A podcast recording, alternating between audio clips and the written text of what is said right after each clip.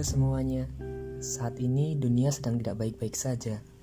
Semoga kamu, aku, dan kita semua selalu dikuatkan untuk terus maju dan saling berjuang bersama. Sekadar podcast tentang sudut pandang seorang Katolik terhadap dunia saat ini.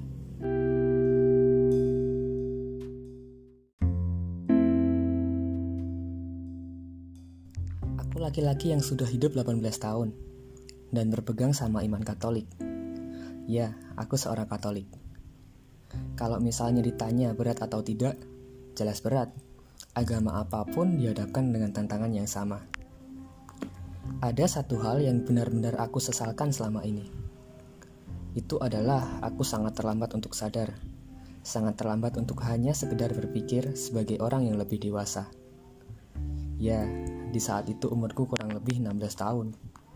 Dan aku baru sadar saat itu. Aku baru terbuka pikiranku dan baru tersentuh hatiku. Tentang panggilan yang sungguh datang dari Tuhan. Dari lahir aku dibaptis, terima komuni, krisma, hingga umurku 16 tahun. Aku tuh kayak ya jadi katolik gara-gara iman warisan dari orang tua. Berdoa ya berdoa, ibadah ya ibadah Aku ngelakuin itu semua cuman kayak formalitas dan kewajiban yang harus aku jalanin. Sama sekali belum ada rasa kalau aku benar-benar membutuhkan Tuhan di umurku saat itu. Berdoa kayak cuman ya berdoa aja. Gak ada sama sekali rasa butuh. Tapi karena hanya seperti kewajiban semata. Tapi sungguh, aku sangat bersyukur. Di waktu itu, aku mengunjak usia 16 tahun Aku masih di jenjang SMA. Tuhan buka pikiranku. Tuhan seperti benar-benar nyentuh hatiku waktu itu. Ada suatu kejadian yang sungguh benar-benar merubah pandanganku terhadap dunia dan Tuhan.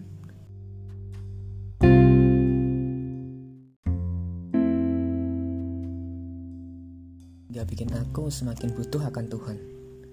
Untuk detail kejadiannya mungkin di podcast selanjutnya saja ya. Di usiaku waktu itu, benar-benar puncaknya anak muda eksplorasi banyak hal tentang dunia. Masalah pun juga datang entah dari sekolah, tugas, masalah hati, dan lain sebagainya.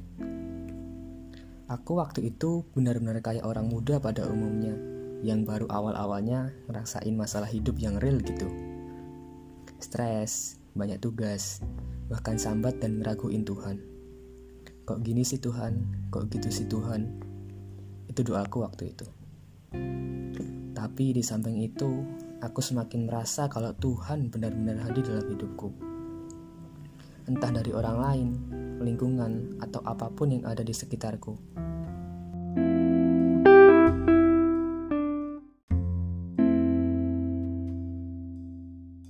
Dia seakan benar-benar mencoba komunikasi sama aku.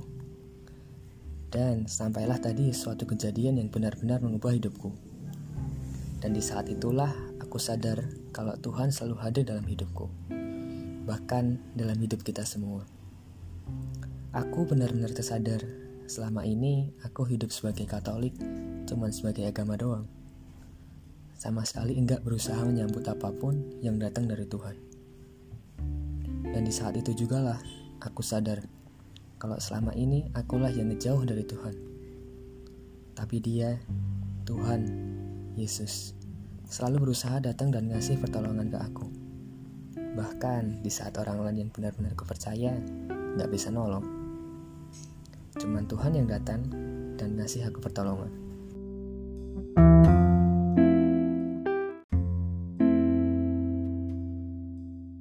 Setelah kejadian itu, aku benar-benar ngerasa dari nol lagi. Dan dari situlah aku mulai belajar untuk semakin berusaha mengenal Tuhan. Sampai sekarang pun aku masih jadi manusia yang sangat jauh dari Tuhan. Ya, karena terlalu jauh jarak yang aku buat. Jarak yang kita semua buat sama Tuhan. Bahkan, sisa waktu kita di dunia gak bakal cukup untuk nebus semuanya. Ya, mungkin ini memang bisa disebut penyesalan yang datang terlambat. Tapi aku sadar betul kenapa aku baru dibuka matanya di usia remajaku. Mungkin karena tiap orang punya waktu dan panggilannya masing-masing. Aku pun buat podcast ini untuk sekadar menyampaikan apa yang aku rasakan, apa yang aku alami selama ini, bahkan sampai ngerubah hidupku, pola pikirku, dan pandanganku. Apalagi sekarang ini kita sedang dilanda krisis yang sangat besar. Pandemi, tekanan, ada di mana-mana. Tapi mari kita yakin kalau Tuhan benar-benar ada buat kita. Ya, lebih baik jangan jadi seperti aku yang udah dikode sama Tuhan berulang kali, tapi sama sekali nggak peka untuk mengarah kepadanya. Jadi, ayolah kita sama-sama berusaha menyebarkan hal positif kepada siapa pun. Karena dunia saat ini butuh sekali hal-hal positif dari kita manusia. Mungkin inilah sedikit kesaksian tentang yang aku alami. Diambil positifnya, dibuang negatifnya. Kalau ada kekurangan dariku, mohon maaf. Tapi kalau ada kelebihan itu, datangnya hanya dari Tuhan semata. Stay safe dan semangat semua.